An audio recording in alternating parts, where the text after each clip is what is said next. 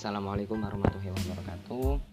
Uh, jadi kali ini saya akan membuat podcast.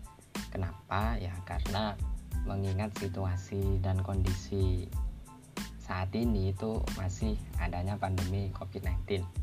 Jadi untuk mengisi waktu juga untuk memberikan pemahaman juga kepada sahabat-sahabat, ini saya menggunakan podcast ini untuk memberikan sebuah pengetahuan juga bisa intelektual juga. Uh, sekedar dari iseng-iseng saya saja karena saya juga dirasa mampu untuk melakukannya. Jadi podcast ini teruntuk sahabat-sahabat di seluruh Indonesia maupun di Kabupaten Lumajang khususnya